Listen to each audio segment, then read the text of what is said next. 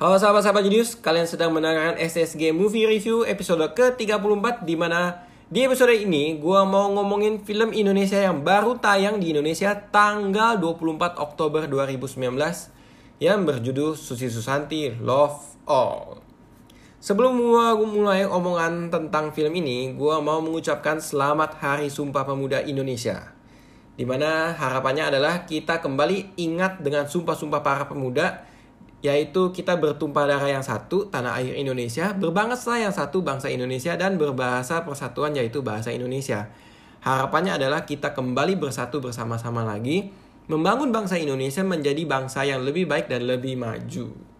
Oke? Kita langsung mulai obrolan santai terkait dengan film Susi Susanti Love All.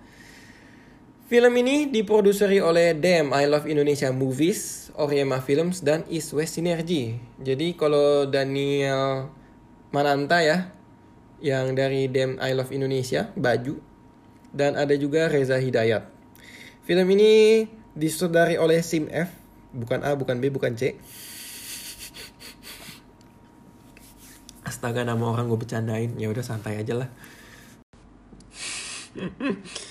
Yang tadi tuh gue cuma bercanda doang, jangan terlalu serius lah ya. Gue tidak meledek namanya secara langsung. Gue cuma bercandain SIM A, SIM B, SIM C. Tapi gue harus guys bawah ini.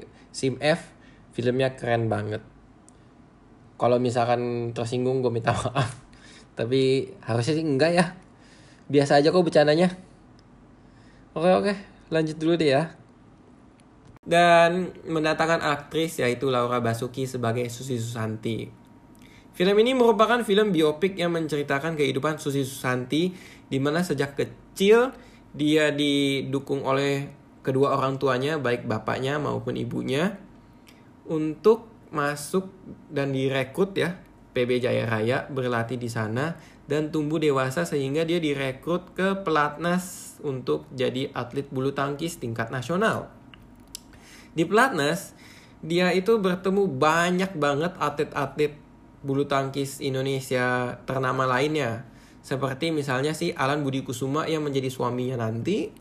Terus ada juga Sarwenda Kusuma Wardani. Dan ada juga Hermawan Susanto. Tidak lupa juga ada atlet-atlet bulu tangkis senior asal ya keturunan Tiongkok ya.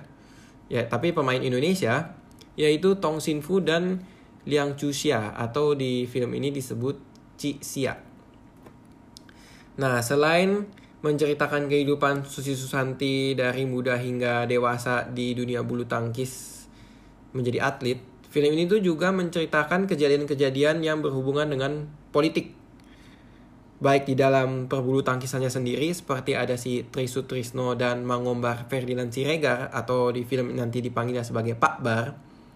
Dan juga dengan isu-isu terkait betapa tidak enaknya menjadi keturunan Tionghoa di saat itu apalagi tahun 1998. Yaitu salah satu tahun terkelam di Indonesia bagi para orang-orang yang keturunan Tionghoa ya. Tapi ya film ini dengan berani mengambil aspek atau elemen-elemen cerita seperti itu dan mungkin memang dialami oleh si Susi Susanti seperti itulah Jadilah film Susi Susanti Love All. Secara guys besar ya, secara umum gue suka banget sama film ini. Dia bisa mendatangkan banyak sekali detail terkait dengan bulu tangkis. Dia bisa menceritakan kehidupan percintaan Susi Susanti dengan Alan Budi Kusuma dengan lucu ya dan lovable. Tidak lupa juga dia bisa menyisipkan banyak sekali motivasi-motivasi untuk membangun jiwa nasionalisme si Susi Susanti berupa dialog-dialog dan dukungan dari orang tuanya Susi Susanti seperti bapaknya dan ibunya yang lucu dan jenaka.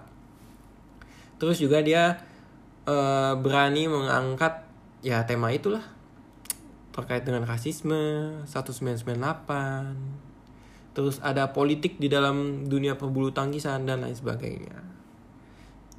Karena ini film merupakan film biopik yang menceritakan sebuah sejarah ya film ini tuh juga berhasil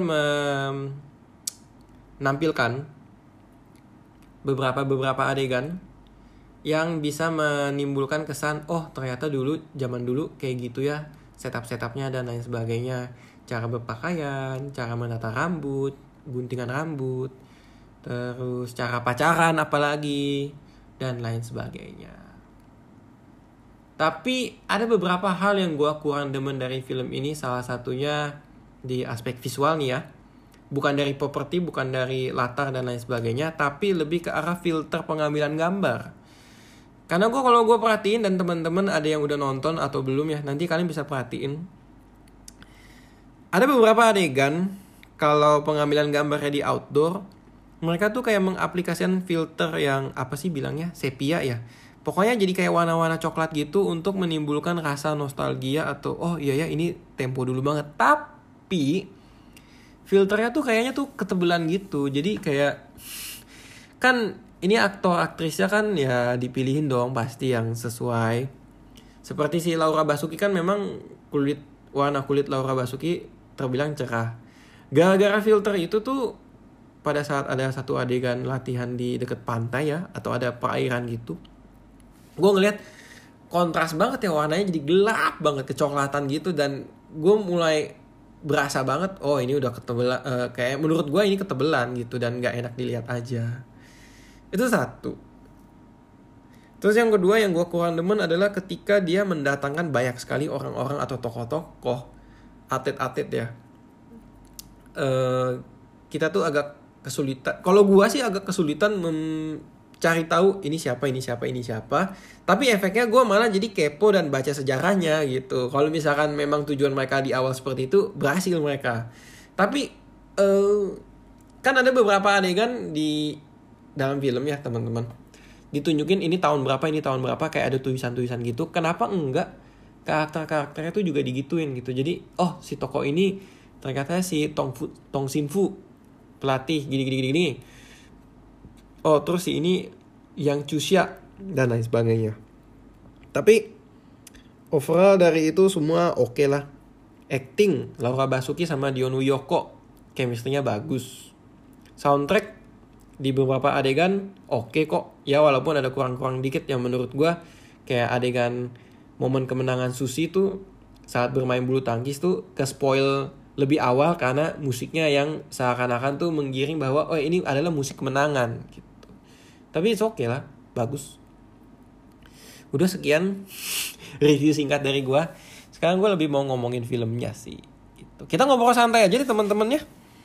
Ini gue lagi mencoba-coba konsep atau setup podcast gue supaya beda sama orang-orang yang lain. Atau movie-movie reviewer lah. Oke? Okay? yuk kita mulai gue mulai dari bacain cast and crew terus ke fakta menarik. Kalau misalkan plus dan minus kayaknya udah nggak usah lah ya gue udah ngomong kok di awal. Tapi ya gak tahu deh. Biarin mengalir aja kali ya supaya enak didengar. Dan tentu saja di akhir gue pasti akan membacakan moral yang gue dapat dari film ini gitu. Tenang. Oke? Kita mulai dari yang pertama dulu yang seperti gue janjikan barusan beberapa menit yang lalu yaitu siapa saja yang dibalik film ini. Ada produser Damn I Love Indonesia Movies. Ini Daniel Mananta nih. Terus ada Oriema Films dan East West Synergy. Mungkin salah satu ini ada si Reza Hidayat ya kalau nggak salah gue baca doang sih. Tapi yang gue mau guys bawahi si Daniel Mananta. Nampaknya kayaknya dia I Love Indonesia tuh mulai bergerak di film ya duit mereka kayak kebanyakan deh dari bisnis lini bajunya. Gue perhatiin di sosial media entah gue belum nemu atau memang belum ada ya. Kok kayaknya nggak ada kuis-kuis berhadiah gitu sih tentang film Susi Susanti Love All. Mungkin ada satu bioskop yang kasih giveaway gitu ya, tapi kayaknya tumbler atau tote bag gitu. Mudah-mudahan ada baju gitu ya. Kalau baju uh, harapannya produksinya Damn I Love Indonesia. Ngarep banget lu re. Ya nggak apa-apa dong ini saran doang. Mana tahu kan kayak ada satu adegan yang gue suka banget dari film ini adalah quotesnya si Susi Susanti ya. Di trailer kan ada tuh apakah kamu consider sebagai orang Indonesia? Tidak saya tidak consider. Saya tidak perlu consider karena saya Indonesia. Boom! Wah keren banget tuh Ya harapannya mudah-mudahan DM I Love Indonesia kepikiran, oh kita bikin yuk baju Susi Susanti film Love All. kita tulis quote-nya jual. Wah. Selain jual ada yang kasih giveaway lah. Nanti gue pantengin sosial medianya oh gue pasti serbu. Oh saya mau saya mau bajunya. Saya mau baju gratis. Gitu. Oke lanjut. Gak akan gue bacain aktor aktrisnya dulu nih abis nih ada si Susi Susanti tadi gue udah sebut ya Laura Basuki aduh di sini dia cantik banget dengan model rambut uh, pada zamannya ya ikat belakang dan lain sebagainya gitu Terus ada Dion Wiyoko yang memerankan sebagai Alan Budi Kusuma yang menjadi suaminya nanti si suaminya Susi Susanti di sini.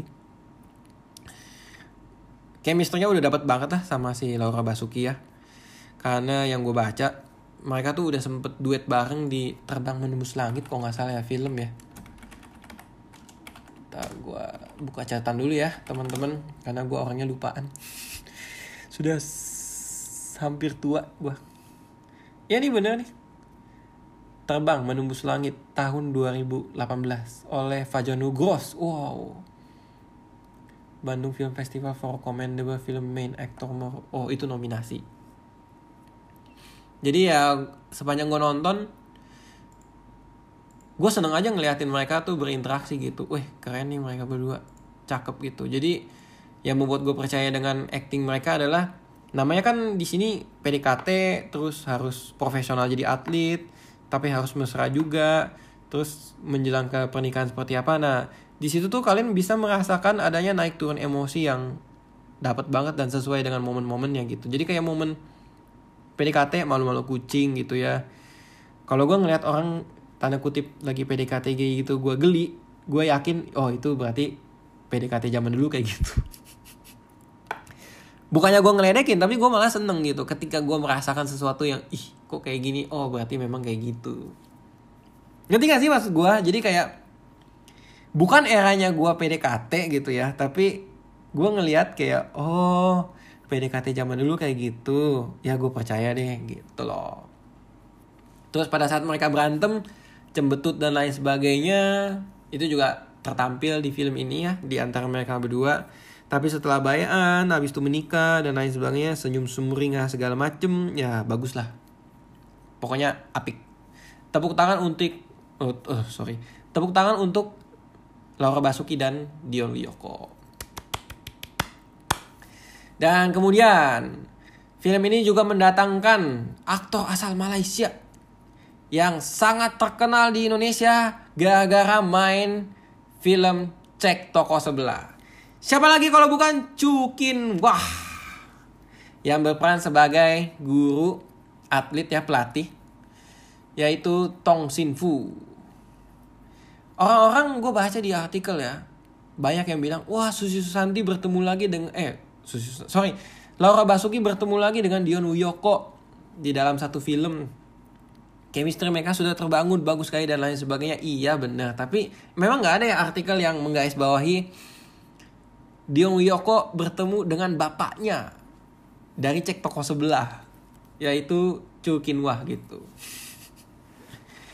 Karena uh, eh, gue adorable banget sih sama gue adore banget sama actingnya Dion Wiyoko sama Chu Kinwah pas di cek toko sebelah. Bapak dan anak yang gak akur gitu loh. Kebayang gak sih teman-teman pada saat di film ini entah ya mudah-mudahan gak terjadi pada saat pengambilan gambar film Susi Susanti Love All. Tiba-tiba lagi ada adegan gitu si Dion Wiyoko bilang eh, misalkan si Tong Sin Fu ngajarin kamu pukulan smashnya harus lebih tinggi lagi dan tenaganya harus diatur tiba-tiba Dion Wiyoko sebagai Alan Budi Kusuma ngomong siapa gitu eh salah siap kok eh salah gitu kebiasaan ya main film cek toko sebelah apalagi cek toko sebelah ada ada seriesnya kalau nggak salah ya gue belum ngikutin sih tapi itu yang gue baca sekilas. Oke lanjut. Nah, terus film ini mendatangkan Jenny Chang yang berperan sebagai Liang Chuxia atau Ci Xia. Ini yang gue suka dari film ini ya, dia bisa mendatangkan dan menghadirkan detail bahwa zaman dulu kalau pelatih bulu tangkis ada keturunan Tionghoanya, Chinese gitu ya, dia di pelatas tuh ya dipanggil aja Ci gitu. Siap Ci siap. di trailer kalau nggak salah ada itu tapi nggak tahu ya kalau di sekarang kayaknya enggak deh ya soalnya kan sekarang tuh lagi panas-panasnya. Lebih baik ngomongin yang umum-umum aja gitu. Kak mungkin kalau sekarang kak Sia namanya.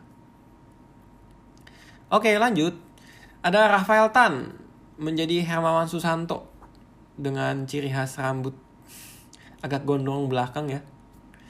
Lalu ada Kelly Tandiono ya ampun si cantik tinggi yang berperan sebagai Sarwenda Kusuma Wardani di tahun ini kayaknya gue udah nonton film Indonesia yang ada Kelly Tandiono nya berapa tuh? Bumi Manusia satu. Eh di Bumi Manusia pun juga ada si Cukinua kan ya yang jadi pemilik ya itulah ya rumah enak-enak. Terus sama di Gundala ada juga ya jadi musuh kalau nggak salah yang membuat Gundala kewalahan gitu ya ya mereka sempat berantem bareng gitu Oke, terus kita lanjut. Ada aktor siapa lagi? Nah, ada aktor favorit gue nih. Halo Pak Lukman Sardi. Semoga di repost lagi ya IGS gue.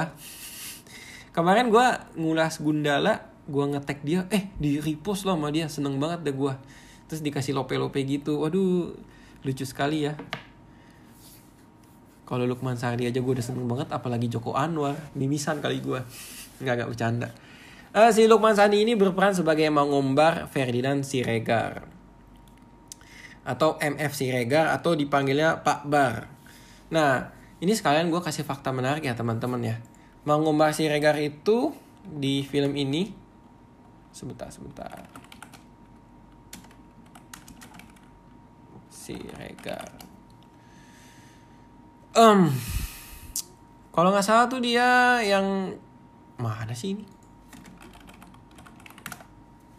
Gue ada catatannya tapi ini ketutup.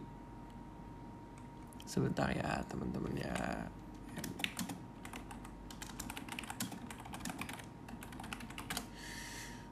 Uh, nah ini nih. MFC Regar adalah tokoh olahraga nasional dia adalah mantan sekjen pengurus besar Persatuan Bulu Tangkis Seluruh Indonesia atau disebut PB PBSI. Dia itu adalah seorang teknokrat, ahli apa tuh bilangnya ya? Teknokrat lah ya. Dan dia juga menjabat sekjen KONI selama hampir 15 tahun, yaitu dari tahun 1971 hingga 1986. Nah ini nih yang menurut gue luar biasa dari film ini terkait dengan si MFC Rega. Jadi ada satu shot si MFC Regar itu lagi didatengin sama Trisu Trisno. Terus dia kayak ngelirik sebentar, dia ngelihat ada satu slogan memasyarakatkan olahraga dan mengolahragakan masyarakat. Gue tuh penasaran kenapa scene itu tuh ditampilin dan ternyata teman-teman ini yang gue baca ya. Si MFC Regar ini atau Pak Bar ini adalah salah satu orang yang ikut mencetuskan atau menggagas semboyan tersebut gitu. Jadi kayak ya ini mungkin tribut buat beliau ya apalagi mohon maaf nih beliau sudah wafat di tanggal 3 Oktober 2010. Ya masih di bulan inilah ya. Gitu. Terus juga dimunculkan sesosok Trisut Trisno. Seorang tokoh penting ya. Yang akhirnya di film ini tuh diceritakan ya memang sejarahnya juga sih. Naik jabatan menjadi wakil presiden saat itu adalah Pak Presiden Soeharto.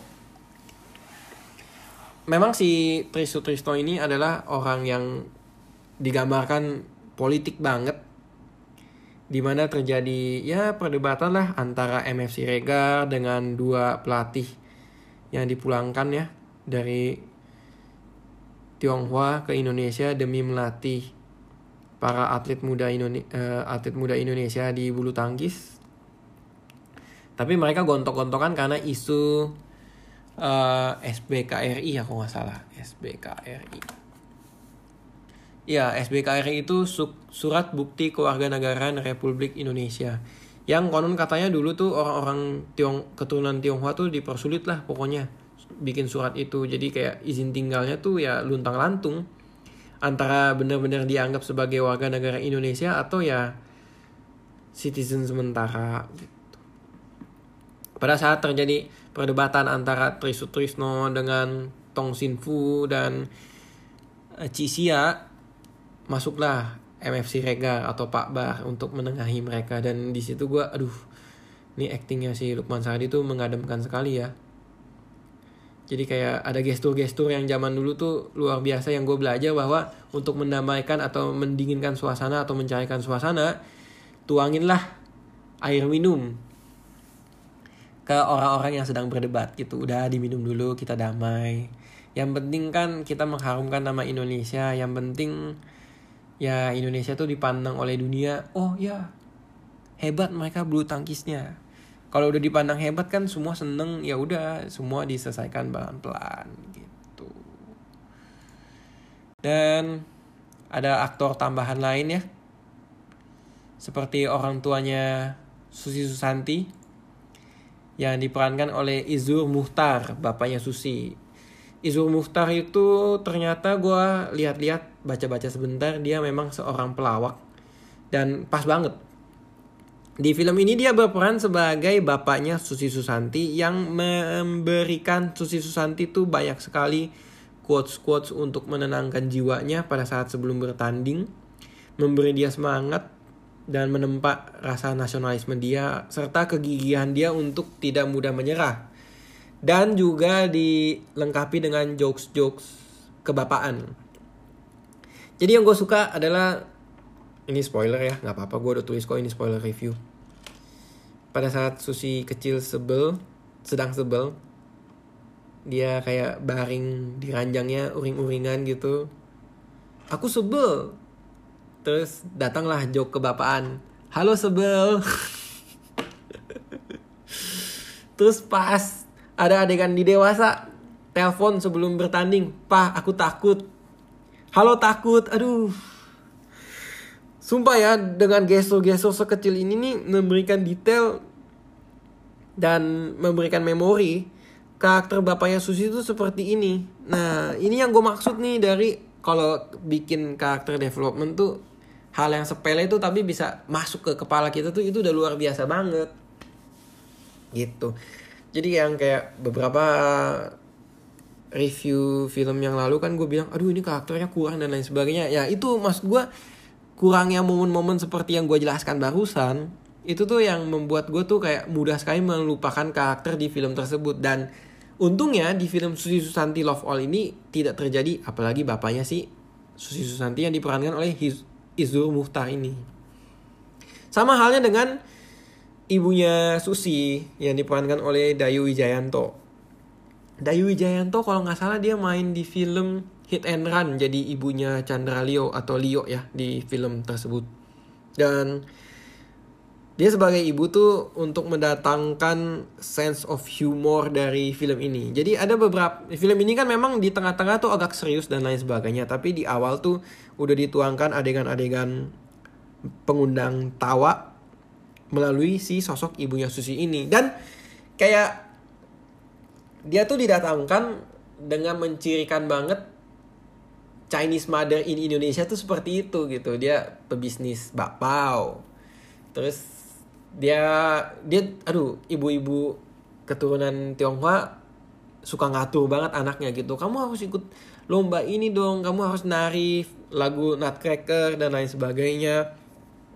Terus kayak kamu bukannya nari malah mau bertanding bulu tangkis dan lain sebagainya terus dijewer gitu. Tapi tiba-tiba karena ada ledekan-ledekan akhirnya ibunya ya udah sana kamu tanding gitu. Begitu tanding menang tapi sepatunya si Susi kan pakai sepatu balerina rusak. Oh dimaki-maki lah. Kamu ngerusakin sepatu tahu nggak apa segala macem? Eh begitu dipanggil ke PB Jaya Raya ya si Susi Susanti. Ibunya tuh kayak awalnya kan ibunya tuh kayak kesel dan kayak kamu sih gini gini gini, gini. Udah panjang lebar ngomong gak setuju dan lain sebagainya. Begitu anaknya tanda kutip mendapatkan sebuah prestasi ibunya ngomong tuh kan untung ibu gini gini gini. Ah itu di momen itu tuh gue ketawa ngakak lepas gitu karena itu tadi gue bilang gue merasa ya ibu-ibu keturunan Chinese di Indonesia tuh gitu. Ya mereka maksudnya baik ngedumel dan lain sebagainya. Begitu ada sesuatu yang beruntung terjadi di anaknya ibunya tuh seakan-akan kayak mau diberikan kredit tuh kan untung aku giniin makanya dia dapet kan ini itu ini itu gitu itu dari sisi ngakaknya. Dan dia juga mendatangkan sisi haru keluarga ya mengharukan banget. Jadi ada adegan perpisahan dengan Susi karena Susi mau masuk ke PB Jaya Raya. Itu kayak uh, rosario mungkin ya atau kalung doa gitu yang ada salibnya. Dia Kristen atau Katolik kalau nggak salah. Nanti gue cek lagi deh. Tapi intinya tuh kayak ibunya tuh mukanya mewek terus kasih kalungnya kamu pegang kamu pegang gitu. Terus jangan lupa doa ya anjir gue ini tuh kayak filmnya belum mulai 30 menit aja gue udah hampir netes air mata tahu kayak anjir ibu seorang ibu tuh sebegitu mencintai anaknya ya nggak tega gitu. Apalagi kan Susi Susanti seorang putri ya maksudnya anak perempuan gitu dan anak paling kecil gitu. Kecil apa sih istilahnya? Bontot ya iya gitulah ya jadi ya adegan perpisahan itu tergambar sekali dari ibunya dan ya gitu deh Terus juga di tengah-tengah film pada saat Susi Susanti sudah dewasa mulai bertanding dan lain sebagainya dia tuh kayak nonton heboh gitu Pah, pah, Susi ini udah masuk ini, ini, ini, ini. Wah, terus langsung satu keluarga heboh gitu kan. Itu ngakak banget nih adegannya. Dan itu juga diiringi dengan detail ya. Penonton-penonton di Indonesia tuh sejak dulu tuh gitu. Kalau jagoannya mau kalah, udahlah kita tinggalin lah. Nggak usah ditonton, nggak usah ditonton gitu. Tapi begitu meja sudah terbalik gitu, keadaan sudah mulai berbalik 180 derajat. Wah, udah deh. Weh, jagoan kita mau menang jagoan kita mau menang ayo ayo dukung dukung dukung dukung Indonesia papak papak pak gitu aduh ngakak gue tapi um, gue melihat dan mencoba membandingkan ya kalau zaman dulu dan zaman sekarang tuh pasti ada beda yang ketara banget. Dari segi peraturan bulu tangkisnya gue baru belajar bahwa zaman dulu tuh pernah bulu tangkis tuh poinnya ya sampai dengan 11 aja. Dan gue dikasih tahu bokap gue karena kan gue nonton sama bokap nyokap gue bokap gue suka bulu, suka bulu tangkis banget jadi gue ajakin. Terus sambil nonton dia kayak sambil abis nonton sih dia cerita cerita ini itu soal susi gitu satu sambil cerita juga sejarah bulu tangkis di zamannya ya dulu tuh kalau main tuh kejar poin sampai 11 terus kalau misalkan pelaku serve ya atau yang pukul koknya duluan, pukul satu koknya duluan.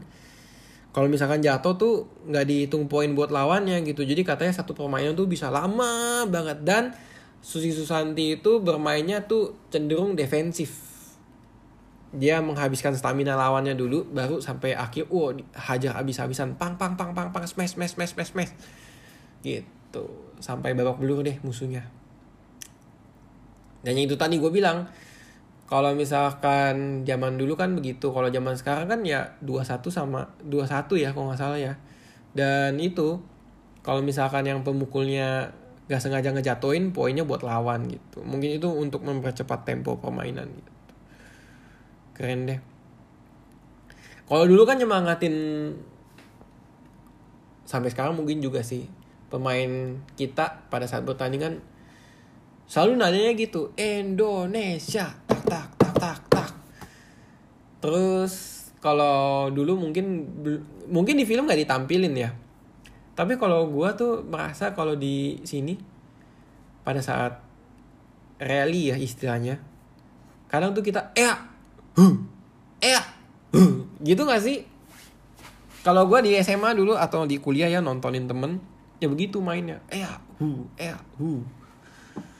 Dan lain sebagainya. Dan ya itu kehebohan para penonton penikmat olahraga tuh gitu. Sampai sekarang gitu. Eh, memang olahraga tuh mempersatukan teman-teman kecuali yang beda fans ya apalagi kayak fans bola fans basket.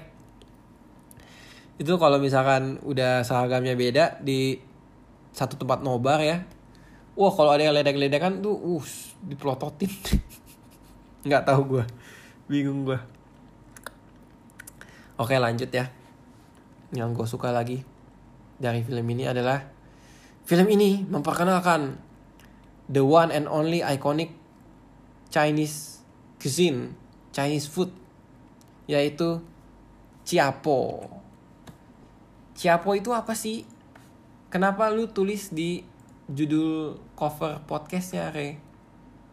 Ciapo itu adalah sebuah masakan khas Tiongkok yang dibawa ke Indonesia yang berisi ayam yang direbus dengan beberapa rempah-rempah seperti angcou atau mungkin disebutnya kurma dari Cina ya.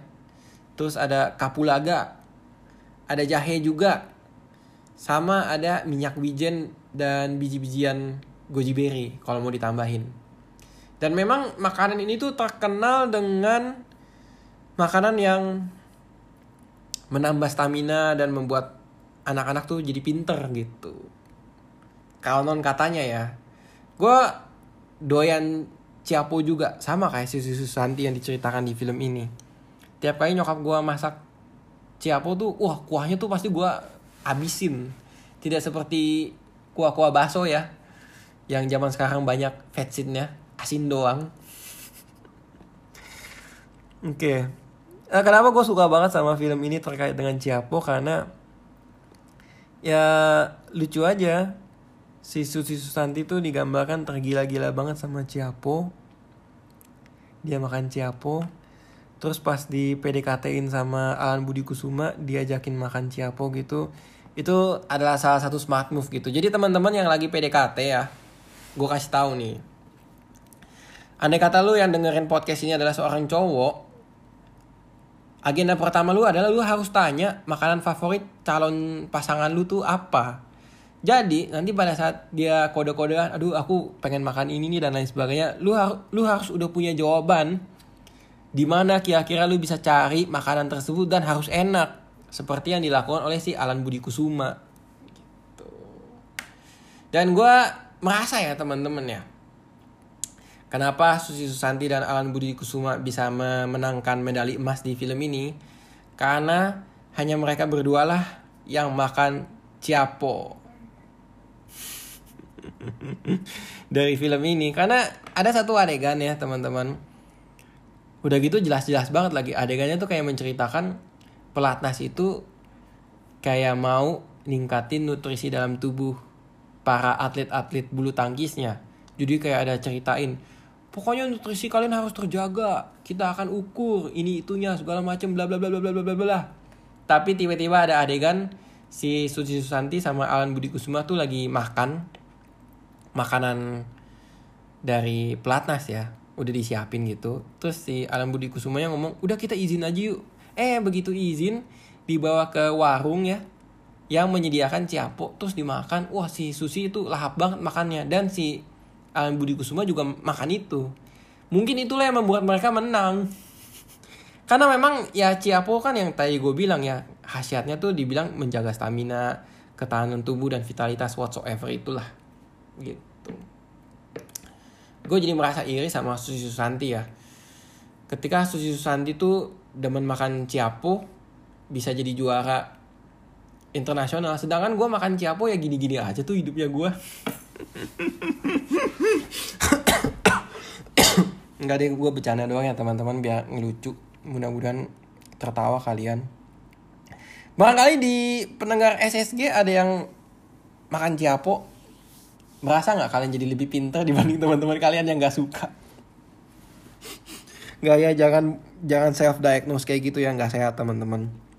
Dan gue merasa film ini ketika nampilin Ciapo tuh mungkin orang-orang yang nonton jadi penasaran Ciapo itu apa ya? Oh kuah ayam biasa doang gitu. Oh nggak nggak nggak nggak itu tuh tidak ayam kuah biasa doang. Itu ayam kuah yang luar biasa. Kalian harus coba deh dan setahu gue sih ini halal ya harusnya ya. Tidak mengandung babi kok. Malah itu kurma lagi. Nah kurma dari Cina tapi ya udahlah ya. Banyak banget gue ngomongin Ciapo lama banget buset gue hampir 5 menit. Tadi gue udah sebut belum ya ada gerakan Susi Susanti yang ikonik yang ditampilkan di film ini? Kalau udah kayaknya belum deh. Gue sebut deh ya. Ada yang gue suka dari film ini adalah ya itu ini kan memang filmnya biopik ya. Dan biopiknya tuh cukup ringkas dan dia bisa mendatangkan gerakan ikonik Susang Susi Susanti pada saat melawan lawannya gitu. Melawan lawannya jadi kan kalau kalian tahu ya tinggi tubuh Susi Susanti itu tidak setinggi lawan-lawannya pada saat itu. Dia itu memang seorang yang suka mengatur strategi. Terlihat dari di film dia suka catetin gerakan-gerakan lawan melihat kelemahannya dan lain sebagainya menganalisis gerakan-gerakan serta ya cara mukul dan lain sebagainya jadi tuh dengan dibekalin dia punya sifat seperti itu, kita tuh dihantarkan bahwa untuk menanggulangi tinggi tubuhnya yang tidak sebanding dengan lawan-lawannya, dia harus bisa menciptakan sebuah gerakan untuk bisa menjangkau serta mengecoh pada saat bertanding dengan musuhnya. Dan yang ditampilkan di sini adalah gerakan dia pukul shuttlecock sambil split.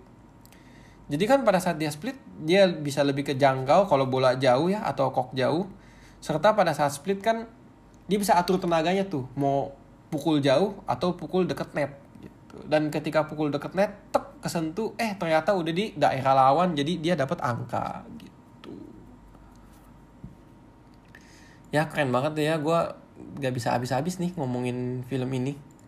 Kalau nggak gue stop ini udah hampir astaga hampir 40 menit sendiri coy. Ini salah satu film Indonesia yang gue suka tapi sayang sekali ada This and That yang menurut gue meredam nilai maksimalnya. Tapi nggak apa-apa sih mudah-mudahan ke depannya ya.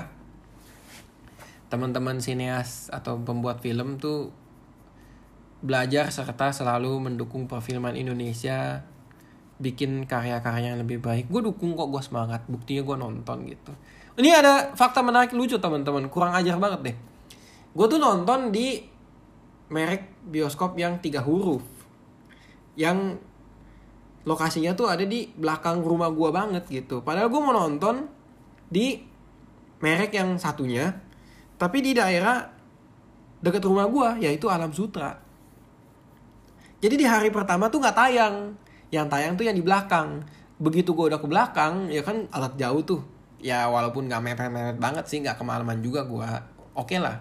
Tapi begitu besokan paginya gue cek-cek jadwal gitu ya gue pengen lihat coming soon ada apa aja. Eh ternyata film Susi Susanti itu tayang di bioskop yang sebelumnya gue mau tonton yang ada di daerah dekat rumah gue kan kayak aduh kenapa baru ditayanginnya hari ini? Kenapa gak hari Kamisnya?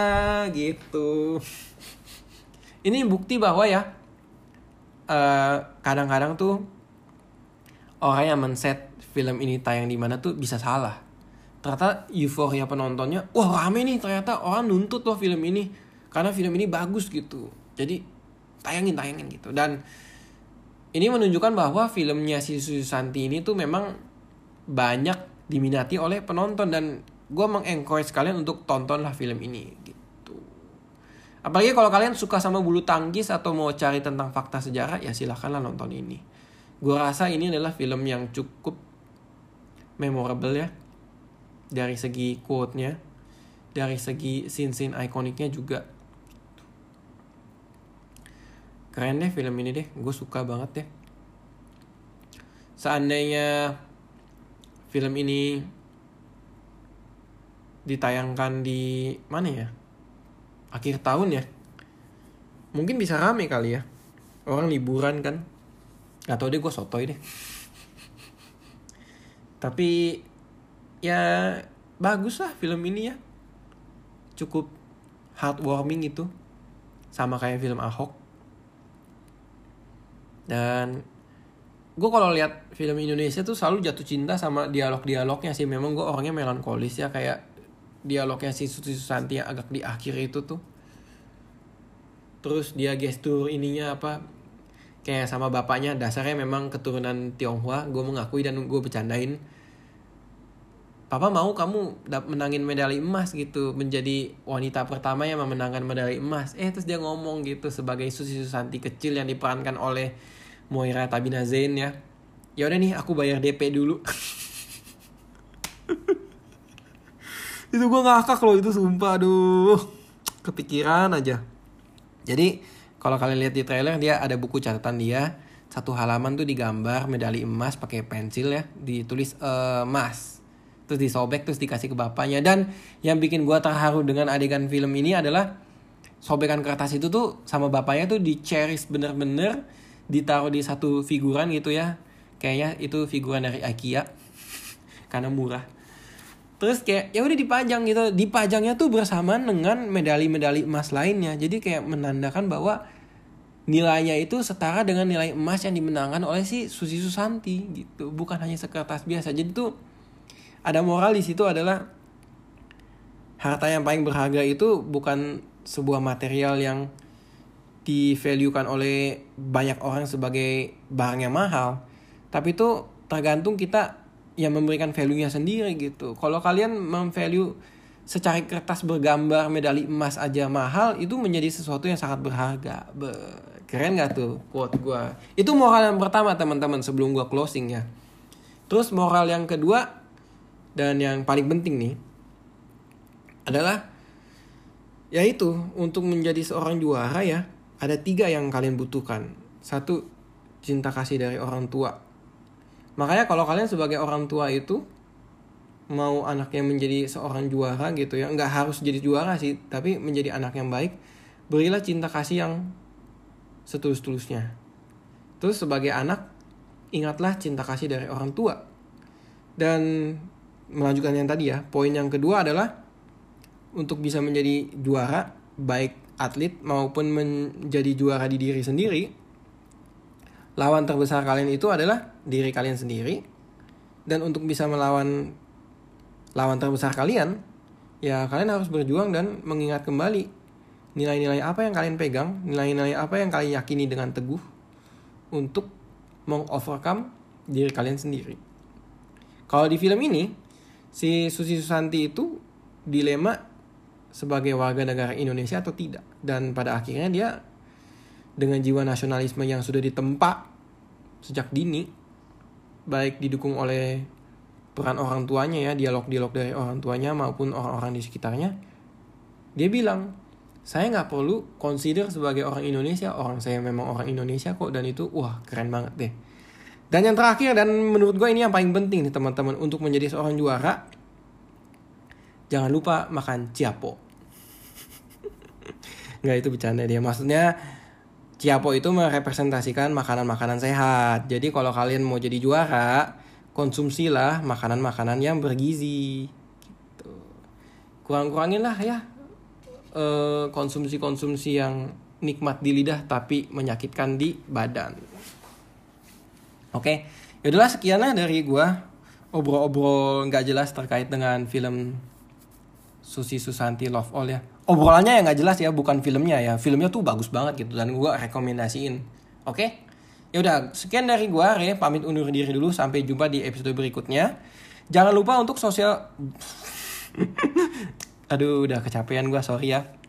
Jangan lupa untuk follow sosial medianya So Stupidly Genius ya atau gua sebagai podcaster di deskripsi podcast ini gitu. Yaudah ya, sekian dari gua, dadah.